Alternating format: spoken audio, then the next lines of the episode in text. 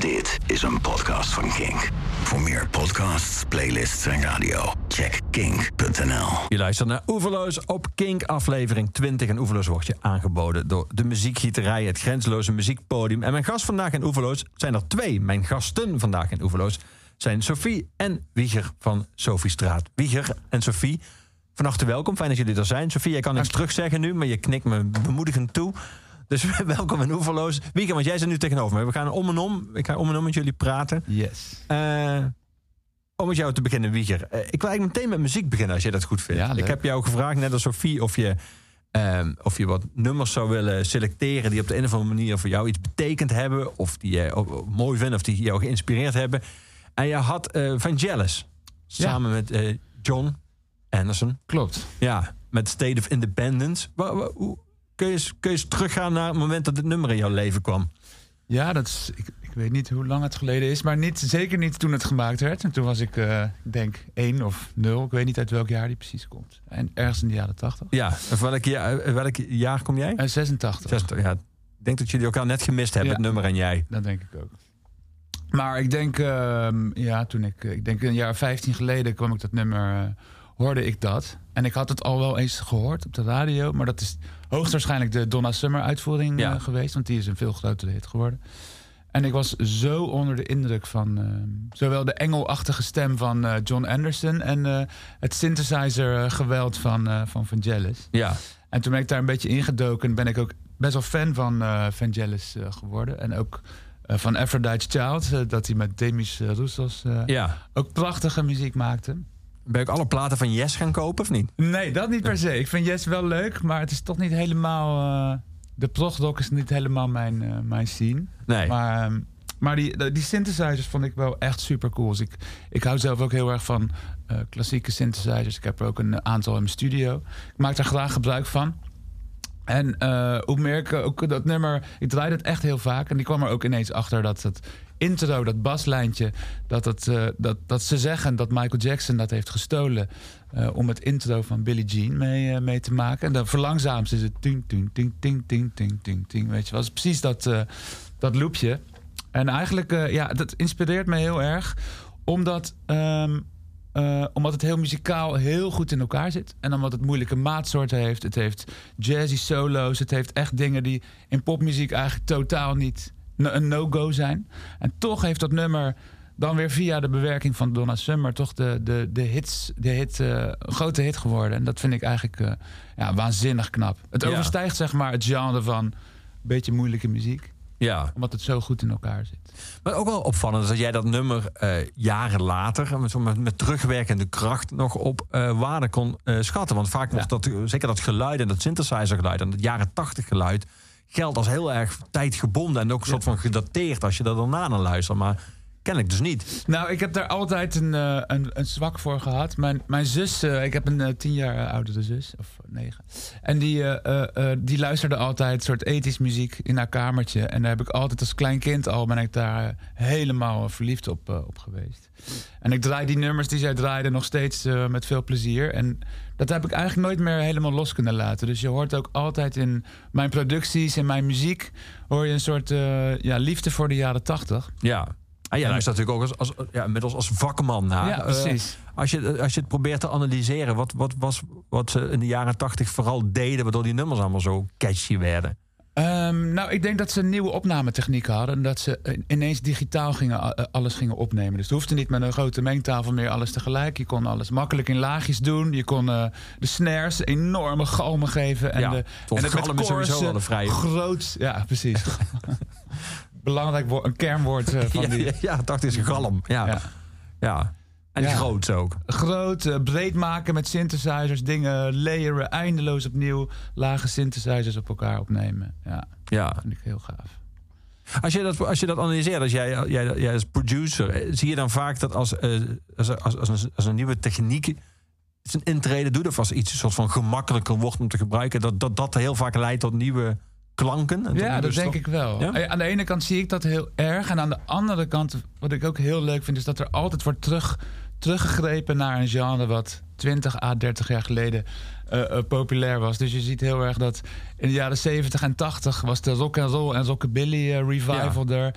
In de 2000s was dat de, de jaren 80 heel erg. En nu is het een combi van zowel 90s, zeros al- als 80s dingen. En dat vind, ik, ja, dat vind ik altijd heel grappig om te zien. Maar het wordt altijd net op een andere manier gedaan. Dus als je bijvoorbeeld dat nummer eh, The Weeknd, Blinded by the Lights... Ja. nou, dat is echt een, een ode aan de 80s. Behalve dat het wel heel veel sub heeft. En dat had ethische muziek had dat bijna niet. En hele diepe bassen, dat heeft die Max Martin er dan weer op een hele moderne manier. Hij heeft altijd wel iets gedacht van er moet iets moderns in. Ja, De ethisch waren natuurlijk, die bestonden al, dat is al iets. ja. Dus eh, iets nieuws ermee doen is denk ik altijd wel eh, erg belangrijk. Kun jij, kun jij überhaupt nog naar muziek luisteren zonder meteen terwijl je de eerste keer luistert te analyseren wat er gebeurt? Veel klassiek luister ik Ja. met veel plezier. En, en, en genres wat, wat niet werkgerelateerd is. Daar kan ik eh, eh, metal, eh, hardcore, dat soort muziek. daar luister ik naar non-werkgerelateerd. Ja. Dus het gaat niet zozeer om muziek die soort van je, je pet te boven gaat, maar meer muziek die, waar je zelf nooit iets mee zou doen, werkmatig. Ja, precies. Maar ook daar denk ik weer van, oh, dan, dan denk ik toch weer shit. Ik heb ook wel weer zin om een keer een metalplaat te maken. Of eh, ik ben ook Of bij een klassiek of project een symfonie te schrijven. Ja, exact dat. Ja. Ik hoor wel vaak van mensen die als ze in, in klassieke muziek er- geraken, dat ze sommige popmuziek dan hun interesse verliest. Ja, Eh, om- omdat ze het eigenlijk te simpel vinden. Of te, te weinig gelaagd, of te veel herhaling. Of te... Herken, herken jij dat? dat kan ik me wel goed voorstellen. Want eh, in, in popmuziek is iets wat, wat, dat zegt het al, populaire muziek. Het moet, het moet zoveel mogelijk mensen tegelijk aanspreken. Dus het mag niet op een bepaalde manier niet te veel diepgang hebben. En dat vind ik ook zelf heel erg jammer aan heel veel popmuziek. Maar er zijn altijd wel pareltjes in de popmuziek die dat ook weer overstijgen. Die het of zo slim doen, of zo'n leuke tekst hebben, of zo'n vette, eh, zoals eh, John Evangelis, zo'n weirde arrangement hebben. Dat Ja. vind ik wel eh, heel erg leuk. Ja. Moeten we nu ook een beetje op dat begin letten, op die bas? Ja, En, en, en is jouw conclusie, zeg maar, zou, dat voor, zou dat in een rechtszitting staande blijven dat hier een soort van plagiaat is gepleegd? ik denk dat het er, ja, ik denk dat het eigenlijk precies dezelfde. Als je hem vertraagt, dan eh, hoor je het echt goed. Het is eigenlijk precies dezelfde baslijn. We gaan dan luisteren. State of Independence.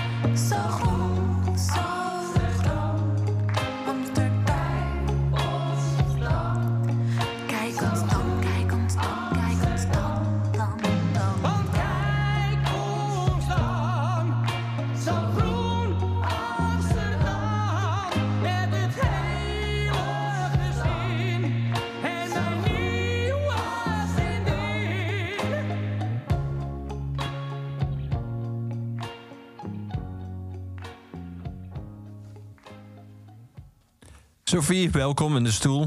Hallo. Met dit nummer begon het allemaal. Met deze. Met deze ga ik langzaam zo wegveden. Dat was Chris de Bruyne, waar ik voor leef. Gaat op de achtergrond door. dus ja. ken ik de muziek die Spotify bij jullie Ah, meteen als tweede uitkiest. Chris de Bruyne uit Vlaanderen. Eh, maar met, dit- met deze, die we zojuist hoorden. met Groen Amsterdam. Ja. Ja. Ja, ja, ja, ja. daar begon het allemaal mee. Ja. Wat is inmiddels jouw associatie met dat nummer? Er is natuurlijk nog veel gebeurd daarna. Vaak bij mensen, het soort eerste nummer, het soort van het begin, of, of een nummer heel veel mensen je mee hebben leren kennen, daar verandert je verhouding ook mee in de, in de loop der tijd. Hoe is dat bij jou nu, als je deze nu Ehm, hoort? Ja, dat klopt wel. Ik bedoel, ik kan het hele eerste album niet meer aanhoren. Maar ja, ik bedoel, ik denk... eh, ja, ja, ik weet ik ben er ook nog... Ik, heb, ik kijk er ook nog wel heel graag naar terug. Ehm, vooral die tijd was gewoon heel leuk. Eh, ja, er kwam een lockdown en ehm, dat was eigenlijk wel relaxed. En, eh, maar ik was ook aan het afstuderen van de kunstacademie. Dus ik was aan de ene kant was ik echt wel een heel groot hoofdstuk van mijn leven aan het afsluiten. En, en, ik, en ik was iets heel nieuws aan het beginnen. Ik, heb, ben eigenlijk, ik ben eigenlijk opnieuw begonnen met mijn leven toen. Ehm, en ik werd verliefd op Wieger. Ehm, en en ik begon met muziek maken terwijl ik nooit eerder in mijn leven muziek had gemaakt.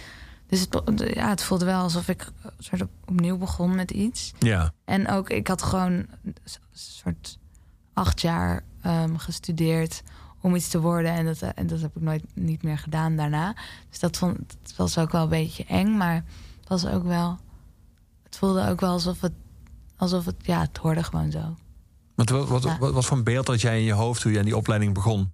Ja, ik dacht, ik, dat, ik, ik, had, eh, ik heb echt als in mijn, sinds mijn eh, vijftiende of zo.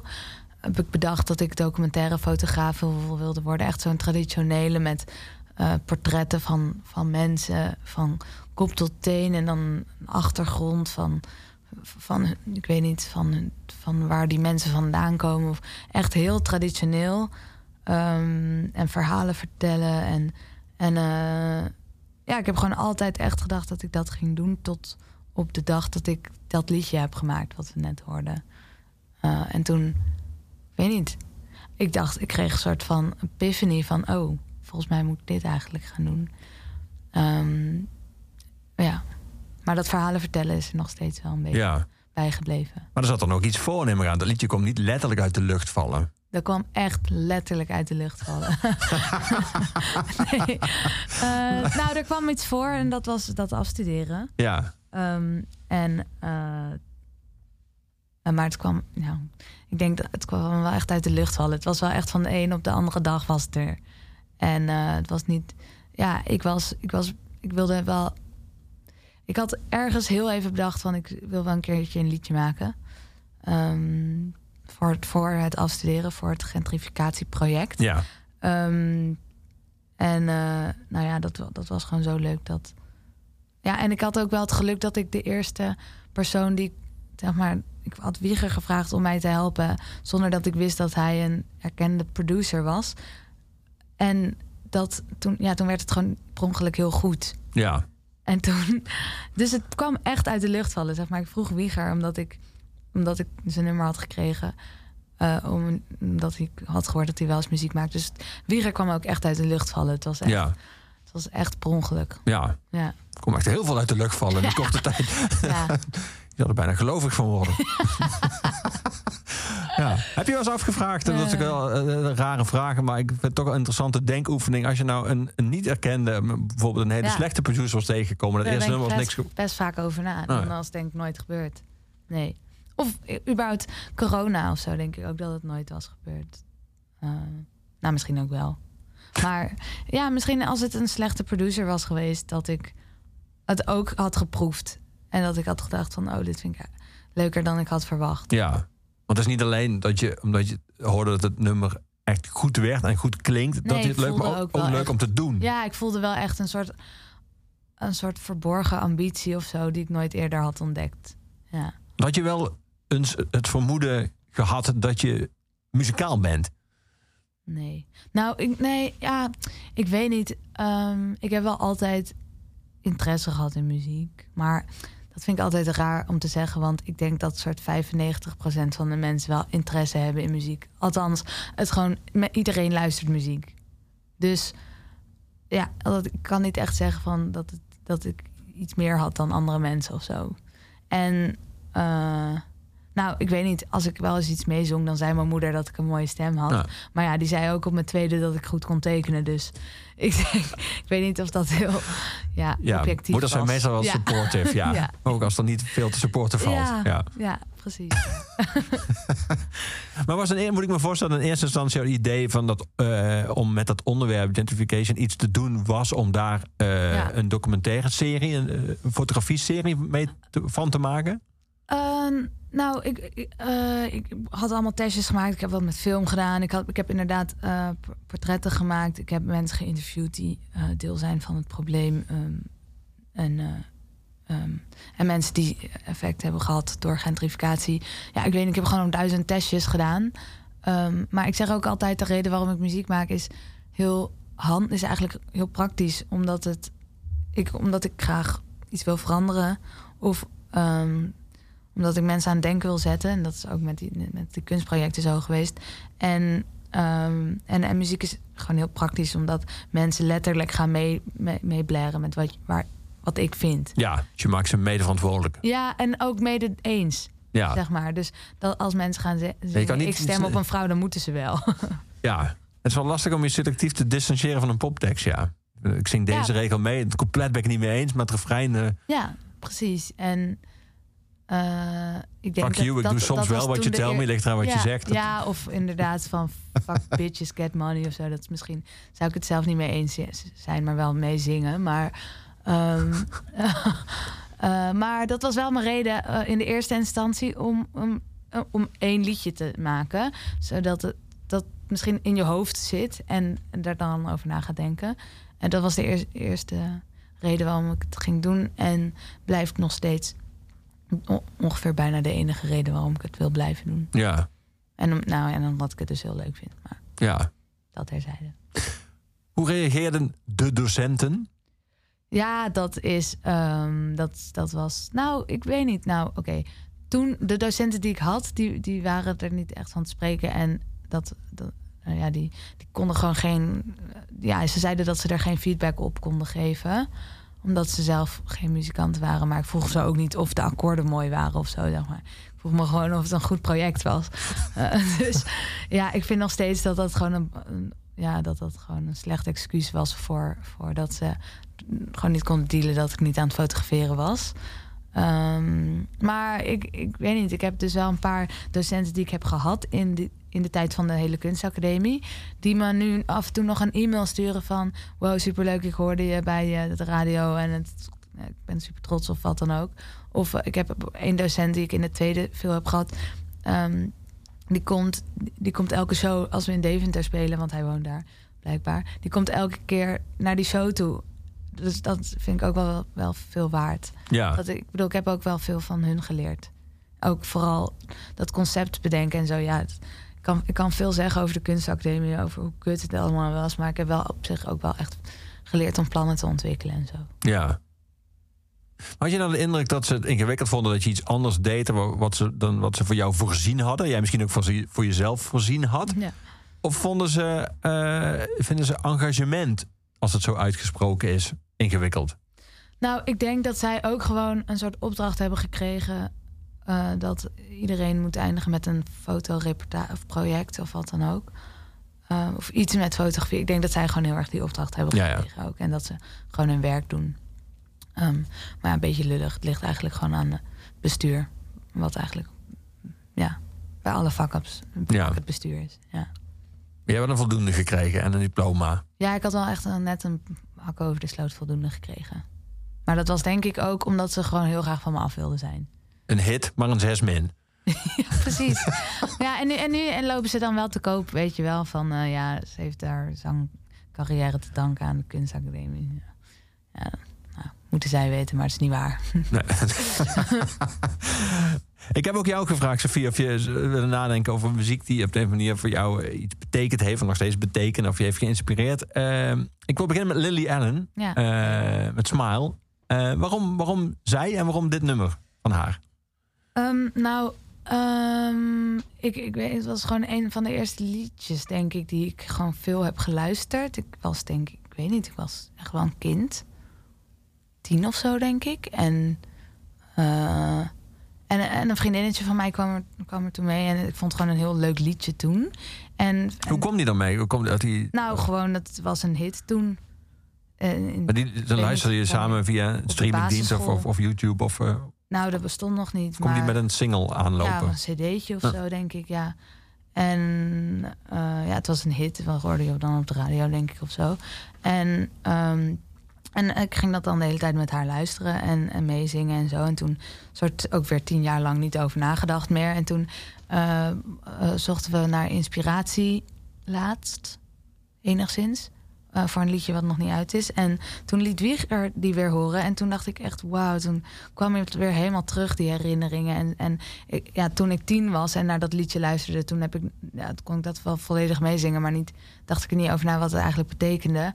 En, en, en toen zei Wieger van, ja, het is eigenlijk best feministisch. En, eh, en toen dacht ik, oh ja, wat geinig dat ik toen daar al wel aan het meezingen was. Ja. Dat ik door had wat, wat, het, wat ze eigenlijk aan het zeggen was. En dat ze gewoon heel boos was op een man en ma- mannen haat. En dat vond ik wel, wel weer heel erg leuk. Het grootste cliché van feminisme. Gewoon een mannenhater. Ja, nou ja, dat is wel een cliché en het is ook hartstikke waar. Ja, Maar bleek je het ook eh, goed te kunnen hebben meezingen met die- te hebben kunnen meezingen met die vriendin van je? Of, of Ja. waren je een soort van fonetisch aan het zingen? nee, het was wel, wij, wij zijn allebei, die vriendin en mij, eh, wij zijn allebei Engelstalig opgevoed. Dus dat, wij konden dat Oh ja. toevallig dan wel weer Ja. meezingen. Maar ja, en het, was, het is ook niet Deden heel, jullie, deden jullie haar ook na of niet? Ja, we gingen, want wat ik heel leuk vind aan dat liedje en dat het ook Smile heet, is dat het eh, dat, je, dat je lachend, eh, huppelend bijna op- over zonnig over straat loopt. En dat is ook wel denk ik wat we toen gingen we dat soort huppelend in de zon eh, gingen we dat zingen. Ja. Ehm, en, en, en nog, ja, het was gewoon vrolijk, weet je wel. Het een soort reggae beat of zo, bijna. En ja, dat gingen we een soort van huppelend met z'n tweeën zo. Ja, dat was wel gezellig. Maar je had dat dus heel lang niet meer gehoord. Ja, nou ja, ik had er gewoon niet meer over nagedacht. Ja. Dus inderdaad lang niet gehoord. En toen... En hoe werkt het dan als je dan de eerste keer dat nummer weer hoort, zoals wie je dat liet horen, dan meteen zo in één keer weer terug in die kamer met ja, die... nu ook met Ja. dit gesprek. Ja. En ook precies waar zij toen woonde bij haar moeder. Ja, ben ik helemaal weer daar in dat kamertje. En in- op dat tapijt zaten we toen. En ja, ja. Is dit de reden, denk je, dat heel, heel veel artiesten hebben iets veranderd sinds de streamingdiensten? Omdat natuurlijk vaak de, de recentere nummers vaak bovenaan staan. Maar heel veel artiesten die langer meedraaien hebben het probleem, soort van lopen er tegenaan dat heel veel mensen hun oude werk, de nummers die langs geleden zijn uitgekomen, het best vinden. Maar ik heb wel de indruk dat dat hierdoor komt. Dat dat komt omdat dat de nummers zijn waar je meteen, zoals jij Ja. nu, allerlei beelden bij hebt. Omdat dat Ja, 20 jaar geleden of 10 jaar geleden, terwijl een nummer dat gisteren uitkwam, heeft nog helemaal geen, zit er nog helemaal geen herinnering aan ja, vast. ja. ja, dat zou wel kunnen. Ja, en omdat je misschien ook minder kent of zo. Ja, je, je, ja, ik denk wel dat dat er ook wel mee te maken heeft. Wat, nou, sowieso toen ik tien was, kende ik ongeveer 30 liedjes, weet je wel. Dus eh, gewoon net zoveel als er op mijn mp3-speler past. Ja, ja, ja. Ja. En hoe kwamen die vaak tot jou? Was dat, waren dat vooral vriendinnen of was het ook, was het ook bij jullie thuis? Eh, Eh, nou, nee, Lily Ellen was niet bij mij thuis, maar wel bij dat vriendinnetje thuis, weet ik nog wel. Haar moeder was ook heel jong. Ehm, mijn ouders waren niet jong, dus zij luisterden naar de Beatles. maar eh, nee, dat, bij Lily Ellen heb, ik- weet ik nog wel echt, dat kwam echt van haar af. En ja, vond ik toen ook echt heel leuk. we gaan dan luisteren. Smile van. When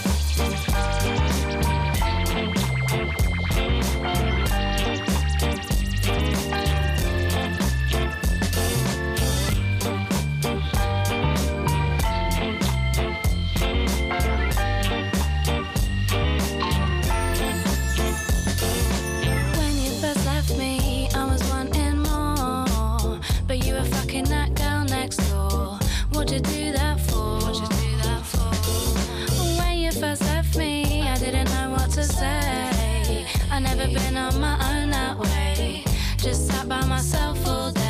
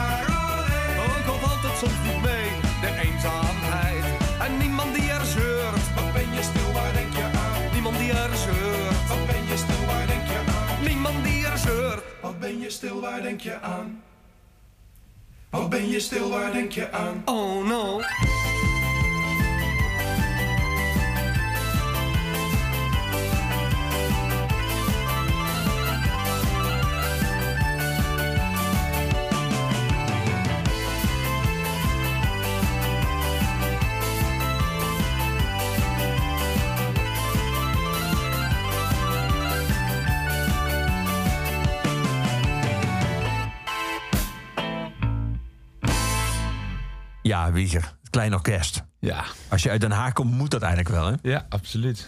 Ben je geboren en getogen? Eh Zoetermeer. Het is een soort eh, vlakbij. De boerderij. Ja, precies. Daar werkte ik eh, achter de bar met heel veel plezier. Ik heb daar de prachtigste, prachtige avonturen meegemaakt. Percy Sledge die daar staat te zweten. En oude dames die zijn zweethanddoeken op, met liefde op, gillend opvingen.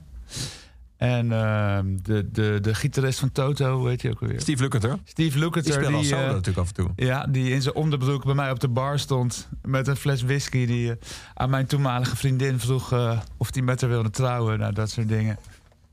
En nog veel. Dat was echt gestoorde tijd. Zei ze ja? Nee, ze zijn nee gelukkig. Nou. ja, dat was in de tijd voordat hij stopte met drinken.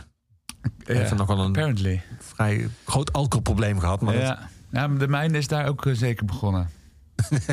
was uh, leg, leg gewoon aan die zaal. Ja. Ja, je zei net toen we van Jealous draaien van prokrok was niet helemaal mijn zie, maar je hebt je portie prokrok wel gehad dan als je de De Yellow Jackets waren gasten aan huis. Ik heb er heel veel van gezien. En dat was, vond ik fantastisch hoor. En ik heb er ook heel veel... ehm, ja, eh, de, muzikaal is het fantastisch. Alleen, eh, ik heb eh jazzgitaar gestudeerd. Een jaar. Maar- En mijn hoofdvakdocent was eh, van de progrock. eh, van de... Van de prog jazz en de prog rock en de fusion en alles wat daar een beetje tussenin zat. En ehm, dat heeft me behoorlijk tegengestaan. Ik moest dat van hem eh, spelen. Ik, vond dat, ik, ik kwam met een gypsy jazz gitaar aan of met een metal gitaar. En hij vond dat geen muziek. Geen muziek. Nee, het was echt eh, fusion, progrock. Dat, eh, dat vond hij eh, heel gaaf. En dat heeft me, ja, ik weet niet, dat is me heel erg tegen gaan staan. Ja. Het is een beetje het verhaal zoals sommige mensen je jarenlang denken dat lezen niks voor ze is. Omdat ze gewoon de verkeerde leraar op school had die Ja. de verkeerde boeken door ons strot duwde. Dat kan toch heel veel kapot maken? Absoluut. Maar hij heeft me na een jaar weggestuurd. Van het wordt niks met jou. En dat heeft me aan de ene kant heel veel pijn gedaan. Maar aan de andere kant ook gigantische kracht gegeven. Om eh, van mijn luie donder af te komen. En keihard te gaan werken. Dus eh, uiteindelijk ben ik hem heel erg dankbaar. Ja. Heb je nog eens gezien daarna? Ik heb hem nooit meer gezien. Nee. Ik heb wel veel aan hem gedacht. Ik weet ook zeker... eh, ik heb heel lang met eh Kado Emerald getoerd. En ik weet zeker dat hij me wel ergens voorbij heeft moeten zien komen. Ik ben benieuwd wat hij toen heeft moeten denken. Ja. Dat is wel een interessante ontmoeting geweest, vind ik. Want Ja. In zekere zin heeft hij ook natuurlijk gelijk gehad. In dat genre is het niks met jou geworden. Absoluut. In vele genres daarbuiten wel. Maar, Ja, absoluut. ja. maar goed, we begonnen met dit hele gesprek eh, naar aanleiding van het nummer van een klein orkest. Ja. Ik was wel benieuwd hoe dat nummer jouw eh, muzikale kanon terecht was gekomen. Nou, dat eh, heeft er eigenlijk heel veel mee te maken met het verhaal wat ik net vertelde. Ehm, je hebt heel veel hele goede muziek die heel erg goed in elkaar zit. Technisch, mensen die jaren studeren. En ehm, je hebt ook eh, een gast die een leuk liedje maakt. en iedereen wil die gast met dat leuke liedje horen. En, en die, dat gepingel allemaal niet. En ik denk dat, dat allebei de wegen, eh, dat alle wegen naar Rome leiden. En in dit geval vind ik het zo leuk dat uh, ja, Harry Jekkers kan niet per se heel, eh, heel mooi zingen. Maar wel hij heeft gewoon- drie seconden dat Harry Jekkers is. Precies. Ja. Hij heeft gewoon een karak- hij heeft gewoon karakter en hij Ja. heeft iets te vertellen. En dat vind ik eh, heel erg inspirerend. En om dat eh, een parallel naar mijn eigen leven te trekken, heb ik heel lang met heel veel eh, hele goed zingende artiesten gewerkt. En ik heb ook na Kado ben ik een beetje in een gat gevallen van wat, eh, wat wil ik gaan doen. En toen heb ik heel veel artiesten gehad die heel mooi konden zingen en niet zoveel te melden hadden. En daar kon ik eigenlijk helemaal niks mee. Daar kon ik ze mooi opnemen, maar daar kon ik, had ik niet zoveel invloed op. Ja, wat, wat wordt dit nou? En op een gegeven moment eh, had ik zowel eh, Goldband, een andere act waar ik voor werk, Ja. als Sophie, had ik eh, rond dezelfde tijd in mijn studio voor het eerst. En die hadden allebei een soort middel, gestrekte middelvinger uit en gewoon gaan. En Sophie had nog nooit gezongen eigenlijk. En die kwam gewoon iets, iets vertellen over gentrificatie. En dat vind ik zo ja, fucking gaaf. En dan kan ik veel beter mijn werk doen en daar muzikaal op inspelen en iets moois van maken. Ja. En toen ook eh, om dit nummer specifiek van, eh, van het Kleine Orkest, Laat mij maar alleen, hebben we eh, in Berlijn hebben we die heel veel geluisterd. En dat was onze main inspiratie voor het nummer Tweede Kamer.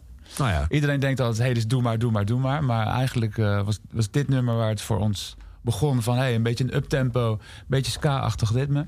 Ook wel grappig. Dan zit je met z'n tweeën in Berlijn. Ja. Draai je het klein orkest. Draai je niet over de muur. Nee, ga- ja, nee.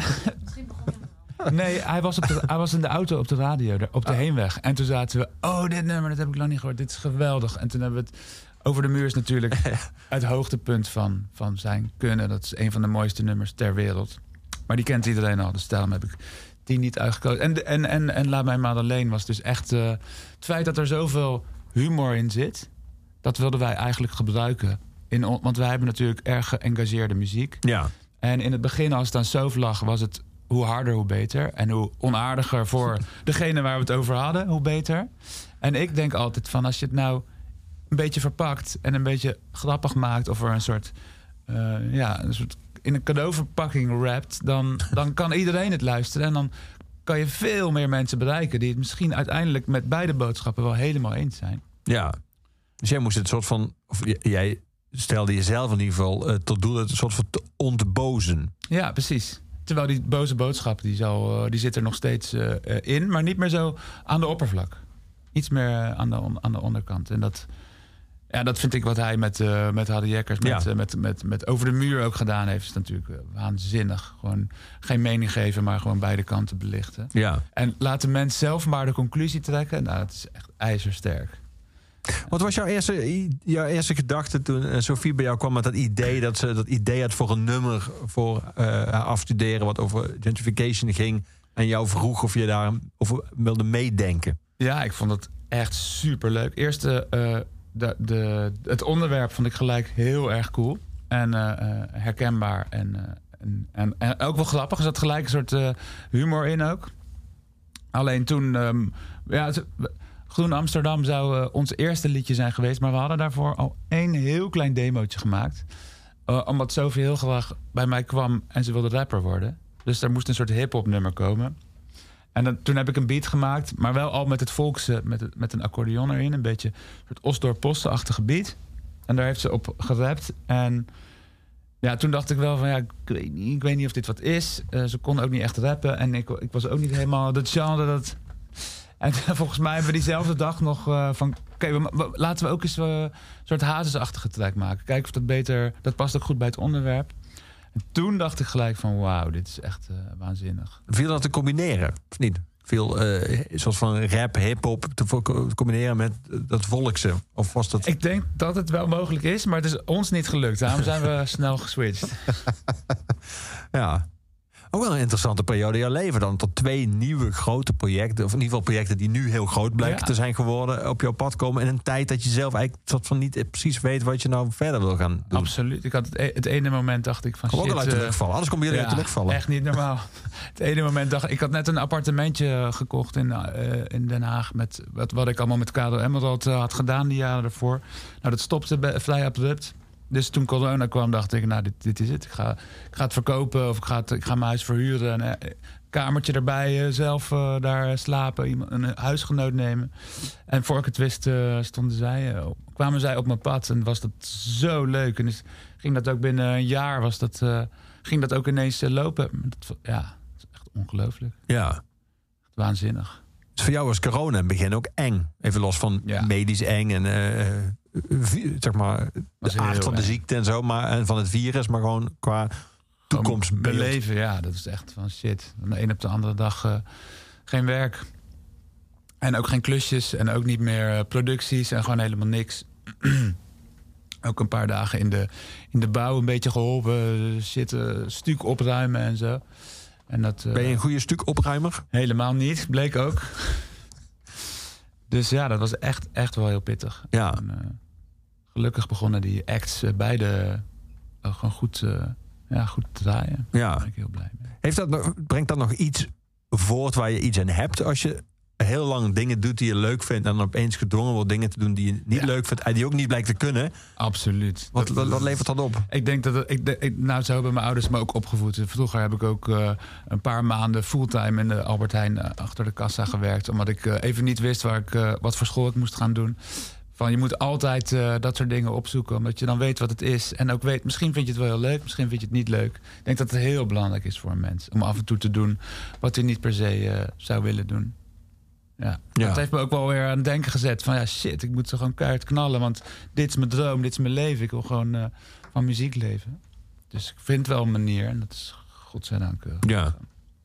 Even voor mijn beeld. Je hebt dus een stucadoor en je hebt degene die dat opruimt. Ja, precies. Oké, dus, eh, dat was jij. de stucadoors zijn de jongens van Goldband. Die kunnen dat heel goed. Maar eh, eh, ik moest onderaan de ladder begin je gewoon als je in het Letterlijk, werk. ja. Want stukken is fucking moeilijk. En, en fysiek zwaar.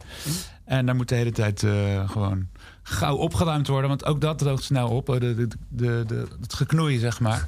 Dus dat moet ik dan gewoon weg, wegwerken. Ja.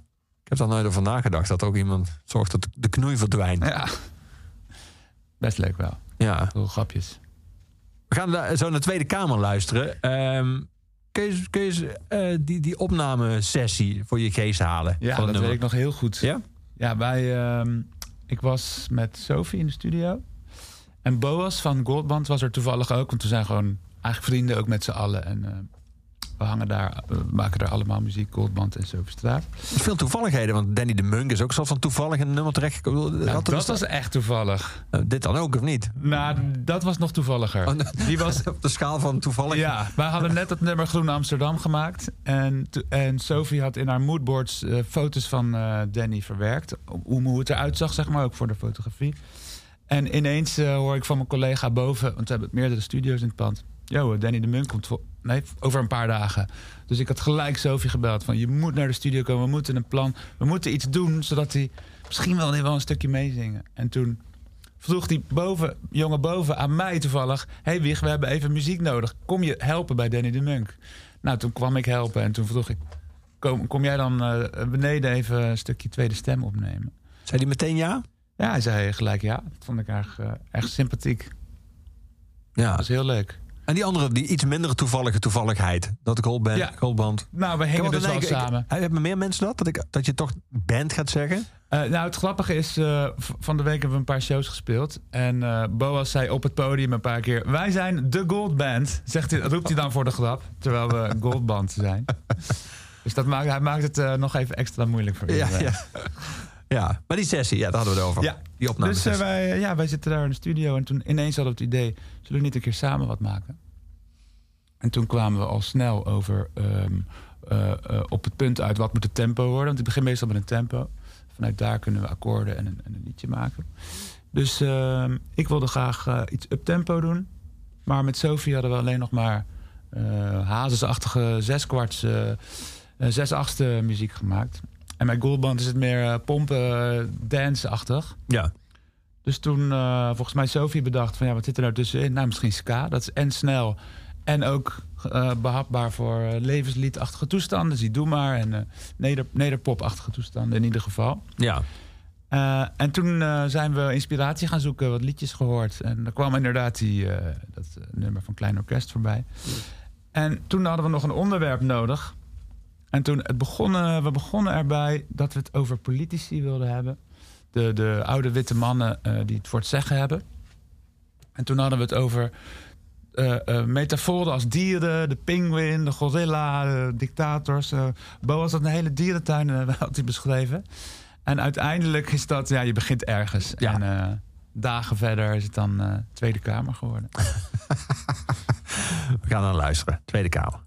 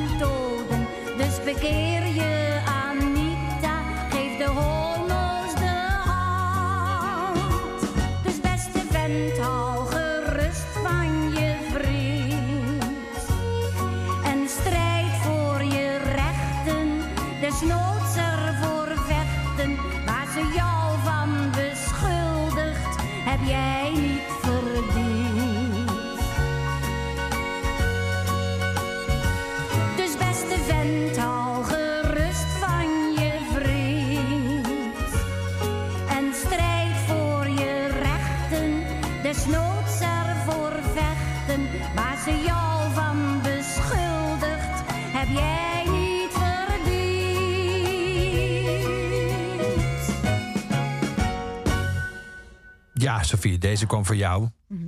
Wanneer kwam eh, het levenslied in jouw leven? Eh, toen Sophie Straat in mijn leven kwam. Ja, daarvoor eigenlijk helemaal niet. Eh, maar zoals Wieger net ging uitleggen... ja, nou ja, Wieger zei wel de woorden... dat ik rapper wilde worden, dat, dat is onjuist. ik wilde niet Het is rapper. fijn dat we met z'n tweeën hè, kunnen Ja, elkaar gewoon ja, rectificeren ja. en corrigeren. Ja, ik, ik wilde zeker niet rapper worden... maar ik had een liedje meegenomen wat, wat drillrap was. Ja. En, en ik, ik vond dat wel een geinig voorbeeld. En, en ik zat te denken aan oud Amsterdam. eh, en dus ook aan Osdorp Possie. Ehm, maar... eh, ehm, dus ik had verschillende dingen meegenomen, zoals Osdorp Possie, maar ook eh Smart Lab. Ehm, en toen zijn we uiteindelijk bij de Smart Lab gebleven. Ja. Inderdaad, dus dat klopt wel. En merkte je toen ook al snel dat dat een heel fijn genre is om te zingen? De smartlap. Dat je er die snik in kan leggen. En, Nou, het is wel. ehm, eh, ik heb ook in kroegen gewerkt. En, en eh, ja, je merkt wel dat, de, dat mijn generatie wel snakt naar dat genre of zo. Er wordt gewoon heel vaak.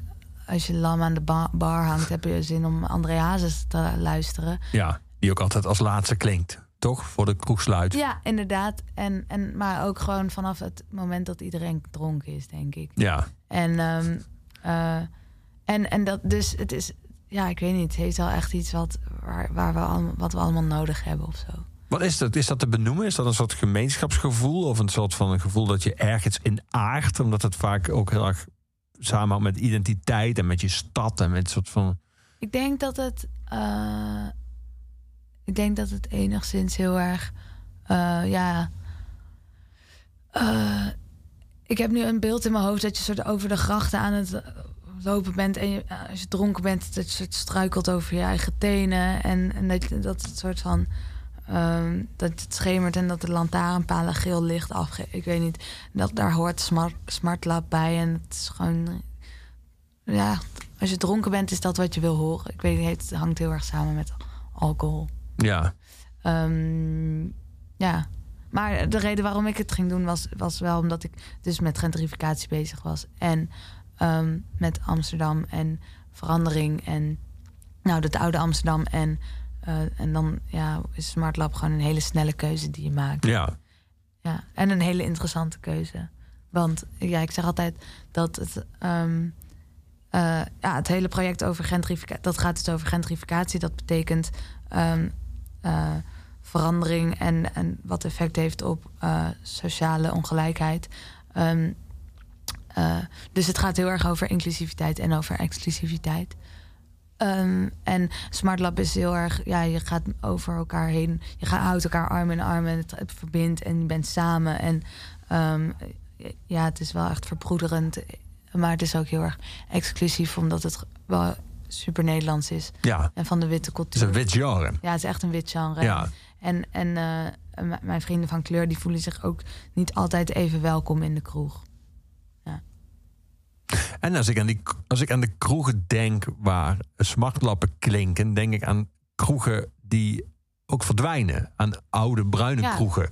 Eh, op, en die nu plaatsmaken voor koffiecompanies en eh, Starbucks. En, en Precies, dus dat, dat, dus dat Smart Lab dat heeft, dat maakt ook gentrificatie mee. ja, Maar precies. Ja. Ja.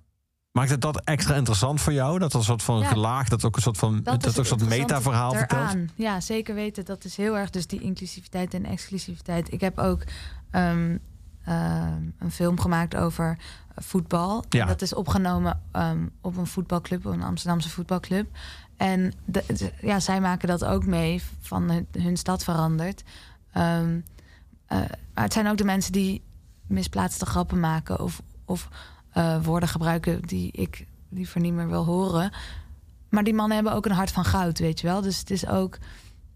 Ik weet niet, die nuance is heel interessant. Ja.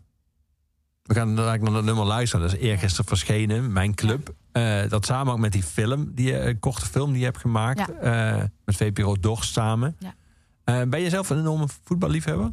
Ehm, ik, ja, sowieso van het spel ben ik een liefhebber. En, ehm, eh, en ik heb mijn hele leven gevoetbald tot op twee jaar geleden of zo.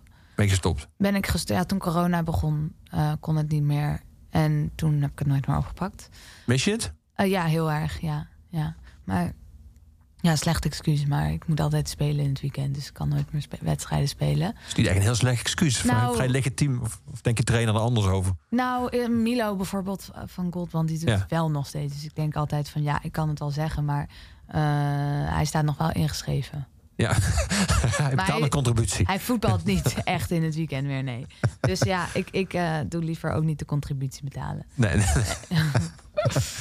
ja. Ehm, Wat voor speler, wat voor speler ja, was klinkt dan alsof je het nooit meer gaat doen. Maar wat voor speler ben slash was jij? mijn vorige leven. Eh, nou, ik was een aanvaller. Hm. Ehm, ben ik nog steeds in het leven. En eh, Ik wou de vergelijking al niet maken, Ja. maar hij ligt wel heel erg voor de hand. Ja. En ehm, ja, ik stond altijd rechtsbuiten of spits. En Dat past er wel niet bij je. Rechts buiten. Rechtsbuiten? Wel oh, niet. zo, als we het over links en rechts gaan hebben. Nee, dat, nee, klopt. Maar ik ben wel rechtsbenig, dus, Ja. dus vandaar. Ja. En dat, dat zeg maar, het thema wat jij zo interessant vindt, eh, wat uiteindelijk ook überhaupt tot Sophie Straat heeft geleid, eh, identificatie, inclusiviteit, exclusiviteit, Ja. dat liet zich ook vertalen dus naar eh, zeg maar van, de, van het levenslied en de bruine, de bruine kroegen Ja, naar het voetbalveld en de voetbalclub en de kantine. En, Ja, dus het is ook wat precies. Ja, het komt terug weer. Het is eigenlijk precies wat ik interessant vind en leuk vind. Ik voel me er thuis, maar ik ben, ik ben een hetero witte vrouw. Ja, dat is dan wel net jammer voor een voetbalclub. Maar ja, ik, ik eh, word niet snel uitgescholden of grapjes over gemaakt of zo. Er zijn tenminste, heel niet voetbal, zoveel. voetbalmannen die heel denigrerend doen over vrouwenvoetbal Ja, dus inderdaad. Dus dat dan weer wel. Ja. En, daar, en daar kon ik me dan ook wel echt heel pissig om, om worden. Ja, Eh, dus dacht ik van, eh, laat ik er een film over maken. ja. ja. Maar vind je, zou, zou je de stelling aanwenden dat het, het... Als ik aan voetbalteams denk, en zeker hele goede voetbalteams zijn... die zijn heel gekleurd. Dan zijn, Ja, dat is dus denk ik ook wel een van de grote problemen van voetbal. Dat je mag niet meedoen totdat je supergoed bent. En dan ben je van harte welkom. Ja, Ehm, eh, tot tot Zeg op maar, het punt dat je je- iets fout doet. En dan gaan ze je meteen te grazen nemen van... eh, ja, vervelende woorden noemen die ja. ik liever niet wil uitspreken. Een beetje het Rutteaanse motto... je moet je invechten, wordt, je moet je inspelen... en dan ben je welkom. Ja, Ja. ja. en dan... Maar ja, als je dan op het moment dat je iets fout doet... dan ligt het wel echt aan je huidskleur of zo. Ja. En je hebt natuurlijk een verschil, kan ik me voorstellen, in eh, gradaties van ergheid tussen de gronduit racistische spreekkoren die er zijn. En wat jij net beschreef als de mannen, misschien ook wat oudere mannen in de voetbalkantine die een soort van grap maken die Ja. voor iemand anders kwetsend kan zijn, die zij wellicht niet zo bedoelen. Wat een soort van. Dat is natuurlijk een soort van schemergebied, zou je kunnen zeggen. Of, of, of eh, Ja, ik denk valt, dat, dat valt dat wel mee, vind je? heel erg ook... ehm, ja, het heeft gewoon ook heel erg effect op voetballers en ook op hun kwaliteiten. En eh, op het moment dat, dat zij ehm, kunnen zijn wie ze zijn, dat, dat, dat, dat je daar ook gewoon beter van wordt. Ehm, eh, ja, een goed voorbeeld is een eh, voetballer uit Engeland die net uit de kast is gekomen. Ja, Ehm, die zit al niet in de Premier League, maar net die, zeg maar, de keukenkampioen van Engeland. Ja. die. En, ehm, en, en op het moment dat hij uit de kast is gekomen, heeft hij soort vijf keer gescoord in de wedstrijd daarna.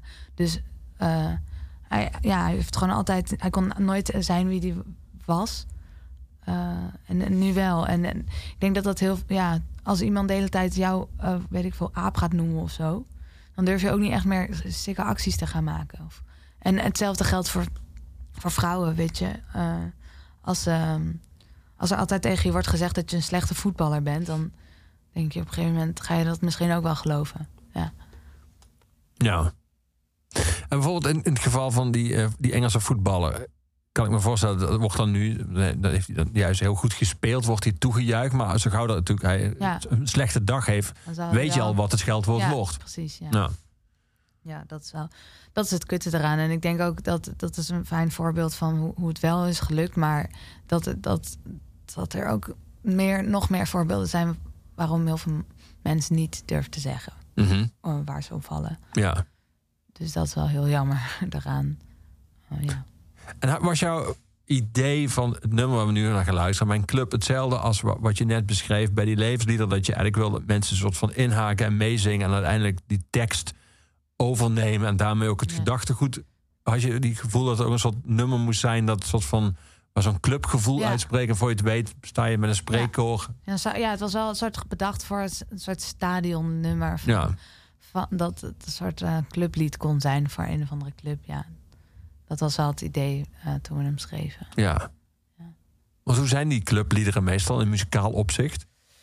Ehm, nou, eh, ja, ik weet niet. Het verschilt eigenlijk heel erg. Bij de ene, ehm, ja, heel veel, heel veel clubs hebben een cover van een. Ja, de arena zingen is fucking Bob Marley. Ja. Dat, ja, en som, bij andere stadions heb je een soort, ik weet niet, dance nummers heb je ook. Ja, het verschilt echt heel erg per club. En ik weet ook niet waar het vandaan komt. Maar ehm, je hebt wel, eh, ja, je hebt ook wel echt van die liedjes die gemaakt zijn door de fans. Ja. En dat zijn wel echt van die, van die armzwaai-liedjes, Ja. zeg maar. Ja, Ik wou net zeggen voor de luisteraar dat je nu met je armen zwaait, ja, maar je zei het zelf al. niet, maar dat is eh, wat ik aan het doen was. Ja. Laten we nog gaan luisteren. Net leuk. uit, nog warm. Mijn club.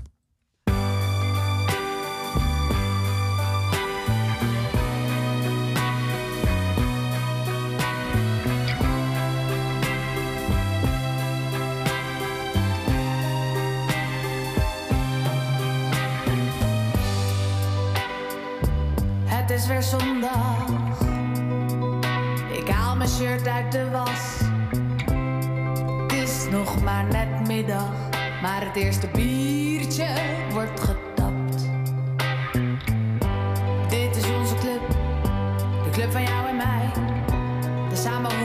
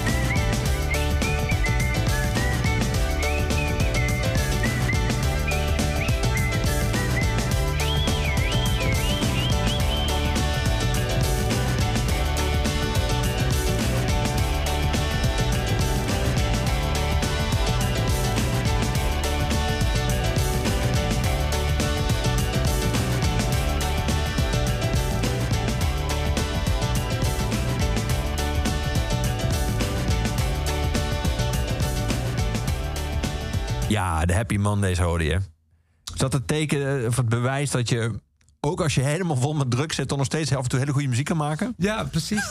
Zo, zoiets. Nou, mijn, mijn, mijn onderbouwing om deze te kiezen was eh, wel eh, van... eh, je hebt eh, natuurlijk hele goede muziek, technische muziek. Eh, dat eerste nummer was heel erg... dat Ja, van Chalice met Ja. En toen eh, heb je hele nummers met fantastische lyrics en grappige teksten. Ja, En nu dacht ik, ja, wat is nog meer heel inspirerend voor mij geweest? En dat is een soort jeugdcultuur, ergens bij horen. En die eh, Happy Mondays waren part of a scene, de Manchester, eh, ja. de 90s. Die combineren die dance met die rock en die alternative muziek. En dat vind ik ja, zo gaaf. Wat, want wat kunnen ze nou eigenlijk? Nou, niet zoveel. Ze zijn gewoon super cool. En iedereen wil, ze, wil, ze- wil erbij horen en wil ze zijn. ja. En dat is eigenlijk iets wat ik. Dat kan je niet verzinnen, dat kan je niet hebben, dat kan je niet krijgen. Dat is er gewoon. Dat vind ik zo fascinerend. En dat is toch een heel belangrijk onderdeel. ja. Als jij tiener bent, wil je gewoon iets cool vinden en ergens bij horen en ergens fan van zijn. Ja. Dan is dat toch een heel belangrijk eh, onderdeel van de muziek. Er zijn ook behoorlijk veel in documentaires en boeken en verhalen, eh, neergelegde verhalen over hoe vooral bij deze band uiteindelijk enorme hoeveelheden geld door be- labels eh, in die band gestoken zijn die allemaal in neuzen zijn verdwenen. En Dat heb ik gehoord. Dat zij een eh, gigantisch cont- platencontract Ja, kregen. en, op de een eiland zaten. Ja. Ja. En alles hebben opgemaakt aan niet-muzikale situaties. Ja. Maar toch, eh, ja, ja, ik weet niet. En die, die, die bass, er is zo'n percussion, of een, een samba-balspeler. Die is, die is een soort mascotte van de groep. En die neemt gewoon volgens mij een ecstasy-pil voor elk concert. En die staat gewoon met die, met die ballen en die grote ogen. Ja, het is echt eh, waanzinnig. Maar Ja. wel gewoon eh, echt spelen en gewoon hele vette, vette muziek, vette sound. ja. En iets heel cools neerzetten. Toch lijkt me een, een, een, een wat minder vrolijke, althans niet in, in alle gevallen, maar in sommige gevallen minder vrolijke consequentie van wat je zojuist zei. Namelijk dat er ook een soort van factor is die, die, je soort van, ja, die je hebt of die je niet Ja. hebt. In jouw werk, dat je soms met mensen te maken had of hebt, waar je denkt, ja, ik kan echt alle mijn productionele kwaliteit en ervaring op jou loslaten, maar echt goed zul je nooit worden. Ja, dat klopt. En dat ook hoe goed iemand ook technisch is of hoe lang die ook gestudeerd heeft, is dat echt wa- wat je merkt. Ja. Je had er vroeger een verschrikkelijke term voor toen al die tv-wedstrijden begonnen, was dan de X-factor. Ja, maar dat, eigenlijk is dat wel, dat Ja. is wel een soort ding Ja. of zo. ja, Ja, je, wil, je wil iemand leuk vinden. En dat kan natuurlijk ook, je kan het wel een beetje als iemand eh, een, een, een, blijkt super grappig te zijn, dan kan je natuurlijk wel als producer zeggen, nou we zetten in op, eh, op humor. Dus het hoeft niet gelijk te zijn dat je hot bent of zo, of er goed uitziet. nee. Dat is helemaal niet het belangrijkst. Dus ik denk wel dat er. Ik denk dat ieder mens wel iets heeft wat hem bijzonder maakt. En dat is dan aan mij om dat op te zoeken, zeg. Ja. En is jouw ervaring inmiddels dat dat vaak eh, snel duidelijk wordt? Of heb je ook wel eens dat je pas nadat je best wel lang al met iemand aan het werken bent... denkt, fuck man, dat heb ik nooit gezien. Maar jij kunt gewoon... En dan iets. Nee, meestal is dat, heb, heb ik dat wel. Meestal eh, kom ik daar wel redelijk snel Hm. achter. Wat, wat, wat die magie dan is. Ja. bij iemand. Het is, no- het is nooit gebeurd dat het laat. Nee, dat heb ik wel gehad. Dat, dat ik wel iets zag, maar dat het er niet uitkwam. Maar ik heb nooit gehad dat eh, na een jaar dat ik dacht: oh nee, die kan dit. Heb ik dat niet over het hoofd gezien. Als je alleen maar bij die andere producer zit. dat je ja. Het succes van... eh, ja, ik zeg dus nu Gold Band. Dat blijf ik gewoon zeggen. Omdat je dit nu zelf op het podium ook zeggen. Heeft jou dat verrast? Eh, nee, want dat was dus al. Zij hadden dat al voordat, ze, voordat ik ze tegenkwam. En zij hadden dat al dusdanig dat, eh, dat ze bij mij op de radar eh, kwamen. Dat ik dacht: wow, ik moet die jongens een keer in de studio hebben. En niet per se vanwege hun toenmalige zangkwaliteiten, maar echt vanwege ja, het, het ding, het imago, de Ja. coolness. En toen bleek ze dus ook nog goed te kunnen zingen. Dat was heel fijn. Dus dan konden we heel snel konden we dat tegen elkaar soort opzetten. En het werkte heel goed. Ja. Is dat wat vaak bij jou gebeurt? Dat jij iets ziet en dat, daar, dat je eigenlijk een soort van bijna popelt om daar Absoluut. met je vingers aan te Ja. zitten? Maar bij Sophie was dat, eh, die, die, die, die, die had dat nog nooit gedaan. Dus daar moest het echt gewoon ontstaan. En bij Goldband wist ik het al, want ze hadden die, dat nummer Witte Was hadden ze al uit. Ja. En het was al, dat liep al goed. En bij concerten gingen, al, gingen de ramen er al soms letterlijk uit op strandtenten. En er was dus al echt iets, iets going Bedoel je metaforisch of Nee, dat was- echt letterlijk? ja, ja. letterlijk? Oh ja? Dat was letterlijk. Ja, dat ging helemaal los. Mensen die van dingen sprongen. Er was zoveel actie en, eh, en, en rumoer. Dat was al... eh, Daar werd al eh, veel in de wandelgangen van Den Haag en Scheveningen... had iedereen het daar al. beetje. Ja, ja. Dus dat was makkelijk. Ja.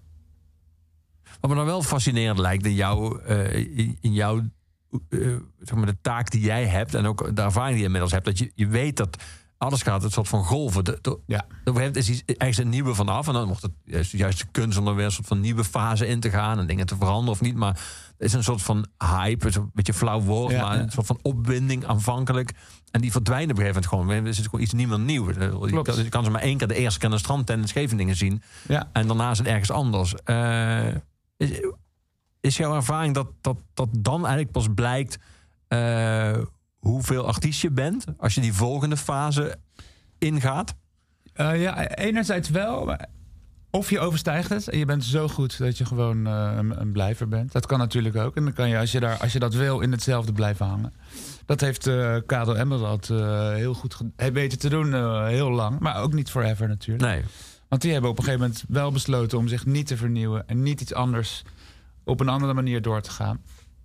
Maar eh, anderzijds eh, denk ik ook dat het ook wel zo is. Eh, een echte artiest die heeft ook het lef om te zeggen: oké, nou gaan we dit, dit, dit, dit wil ik niet meer. Nu gaan we iets, heel nieuws doen. En dat, dat zie ik bij Sophie ook, die, die, die durft dat. En bij Goldband ook, die hebben, dat, die hebben gewoon een soort lef. En dat is denk ik wel heel belangrijk voor een artiest. Ja. Hoe gecompliceerd is het als je samenwerkt zo intens aan een muziekproject en tegelijk ook een stel bent? Ehm, enerzijds is dat heel erg leuk, omdat je Kijk meteen naar rechts ziet. nu. Naar, Ja. Ik zal dat diezelfde, vraag ook stellen. Het is heel leuk omdat je elkaar eh, ziet. Eh, want ehm, als muzikant eh, of als artiest of als producer ben je gewoon eigenlijk fulltime, dubbel, driedubbel fulltime. Het is eigenlijk je, vaak de- je grote liefde is muziek. En, maar dan komt de liefde vaak op een tweede plek. En als de liefde en de muziek samen zijn. Ja. Is je grote liefde je grote liefde? Ja, precies. Dus dat is Ja. ontzettend leuk en romantisch. En we, hebben ook, eh, we staan ook samen op het podium. En dat is Ja. ook ontzettend gezellig. Anderzijds zijn we ook collega's en hebben we samen een bedrijf. En als we elkaar dan privé niet zoveel zien, dan is het wel pittig. Dan ben je gewoon met je collega aan het zijn. Dus we moeten gewoon zorgen dat we veel tijd voor elkaar hebben. En Ja. Zoals we nu eh, dan een maand op de Veluwe gaan zitten in een caravannetje. En vanuit daar naar onze optredens gaan. Ja, dat is heerlijk, want dan zie je elkaar privé en, en in, je, in de muziek. Ja. En zeg ik nog even twee dingen die, me, die het eerste bij me binnenschieten, die ik me voor, voor voorstel, ik kan me voorstellen dat ze enigszins gecompliceerd zijn, is het dat je niet alleen maar over je, je werk wil praten, want het is natuurlijk Ja. ook jullie werk. Ja, precies. Eh, Ja, Sophie heeft een leuke werk-app bedacht. Dus dat we als we het over werk, als we over werk appen, dat in die app doen. En als we over privé zaken eh, doen in een andere app. En, maar dat doen we thuis ook wel eens van, joh, nu even niet over werk praten. Nou ja. Dan hebben we het gewoon. En al zie ik muziek maken ook niet per se over werk, maar ook gewoon even niet over het nieuwe liedje waar we zin in hebben om te maken, maar gewoon even chillen. Ja. En het andere wat ik me kan voorstellen dat ingewikkeld is, is dat je eh, de mate waarin je een soort van eerlijk bent tegen je partner misschien een andere is dan de mate waarin je eerlijk bent, of al dan niet diplomatiek, of al dan niet opbouwend tegenover iemand met wie je, met wie je werkt. Dat is, dat is absoluut zo. Dat, is, dat merk ik wel in de, in de studio soms. Als ik de producerrol moet ik gewoon soms een eikel zijn en dingen eh, afschieten. Maar ook weer helemaal niet. Want ik ben ook eh, een vriendje en het slaat ook nergens op om onaardig te zijn. Dus daar moet, dat is, even, dat is Zo- moeilijk. dat sowieso. Nee. dat is soms een beetje wennen. Maar dat zegt ze dan ook van, even, doe even normaal joh. Dat is wel een hele duidelijke feedback meestal. Ja. ja. lijkt me ook wel leuk eigenlijk. Als je het zo beschrijft. Het is heel gezellig. Ja, het is echt leuk. Goed zo. We gaan muziek draaien. We gaan naar Zwarte Riek luisteren. Amsterdam huilt.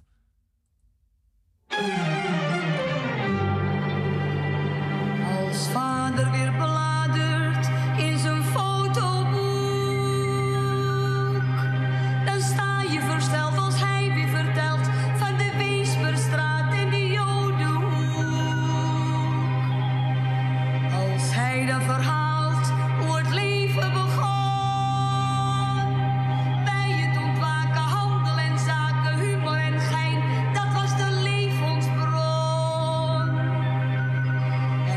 shining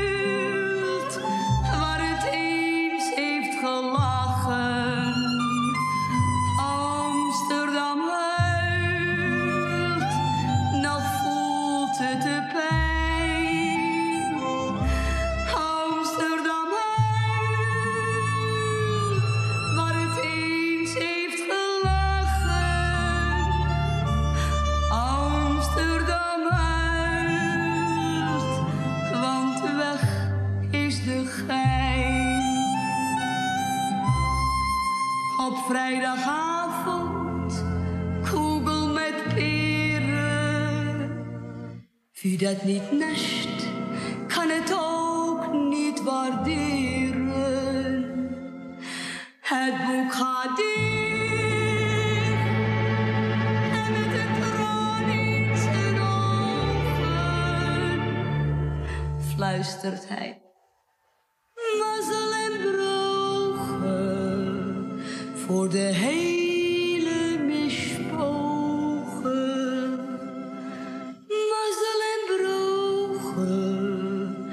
voor de hele mispogen.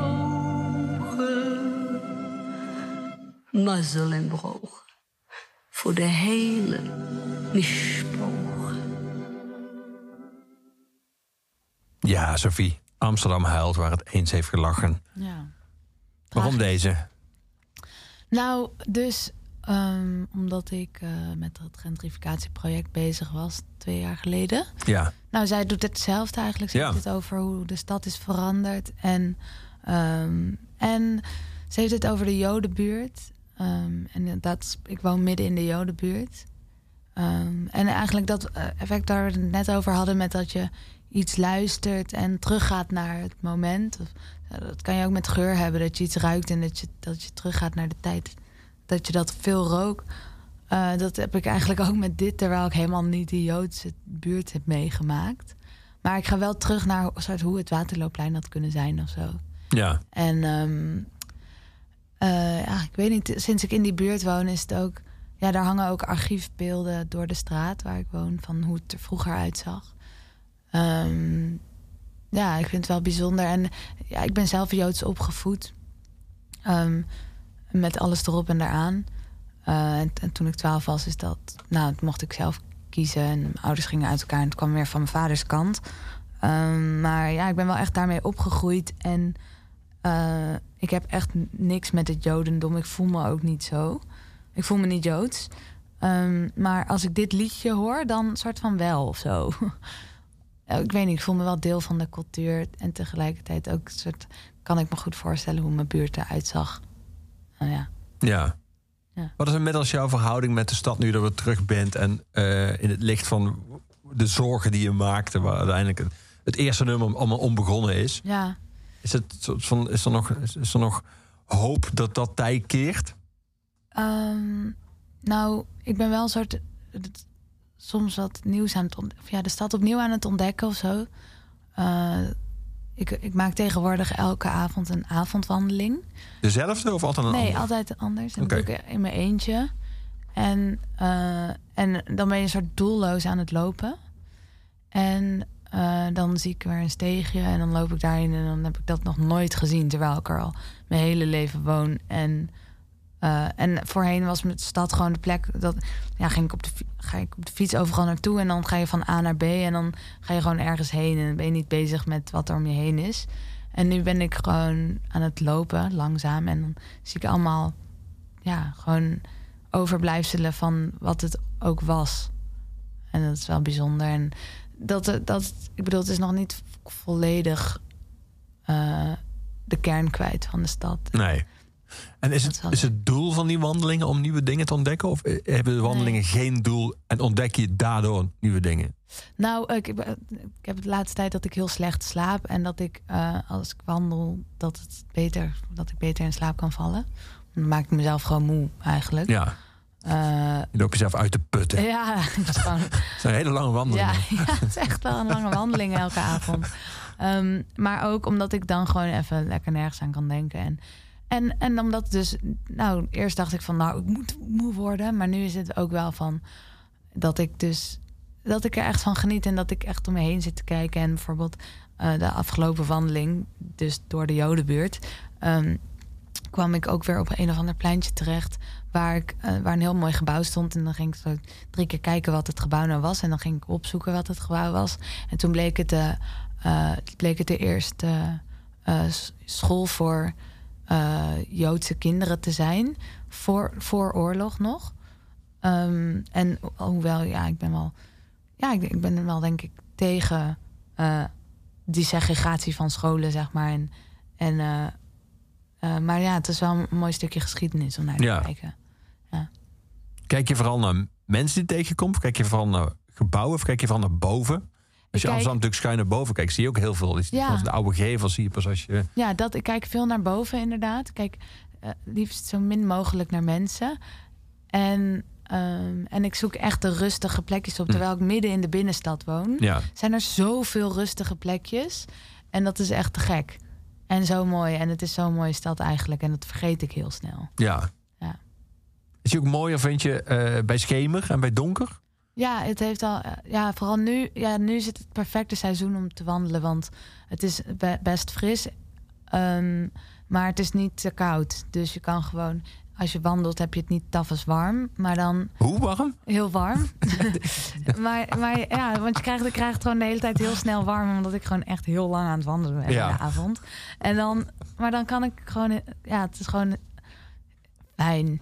Ja. Fijn. Ja. Dankjewel, Sophie, dat je er was vandaag in Oeverloos. Dankjewel, Wiega, dat je er was Ja. vandaag. We sluiten af zoals iedere Oeverloos met onze postuumhuisdichter Luc de Vos. Het laatste nummer is altijd van Gorky. Hier is de afsluiting van deze Oeverloos die werd aangeboden door de muziekgieterij Gorky met We zijn zo jong.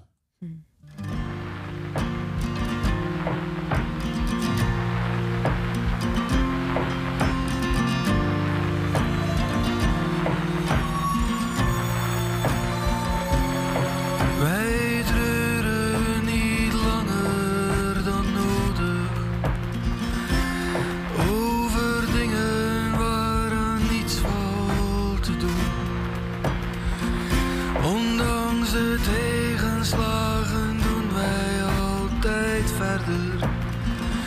We zijn zo jong. Na elke nederlaag om de zeven dagen breekt er altijd weer een nieuwe droomtijd aan. Op een keer dan vinden wij de goede cijfers. Zijn zo jong, zijn zo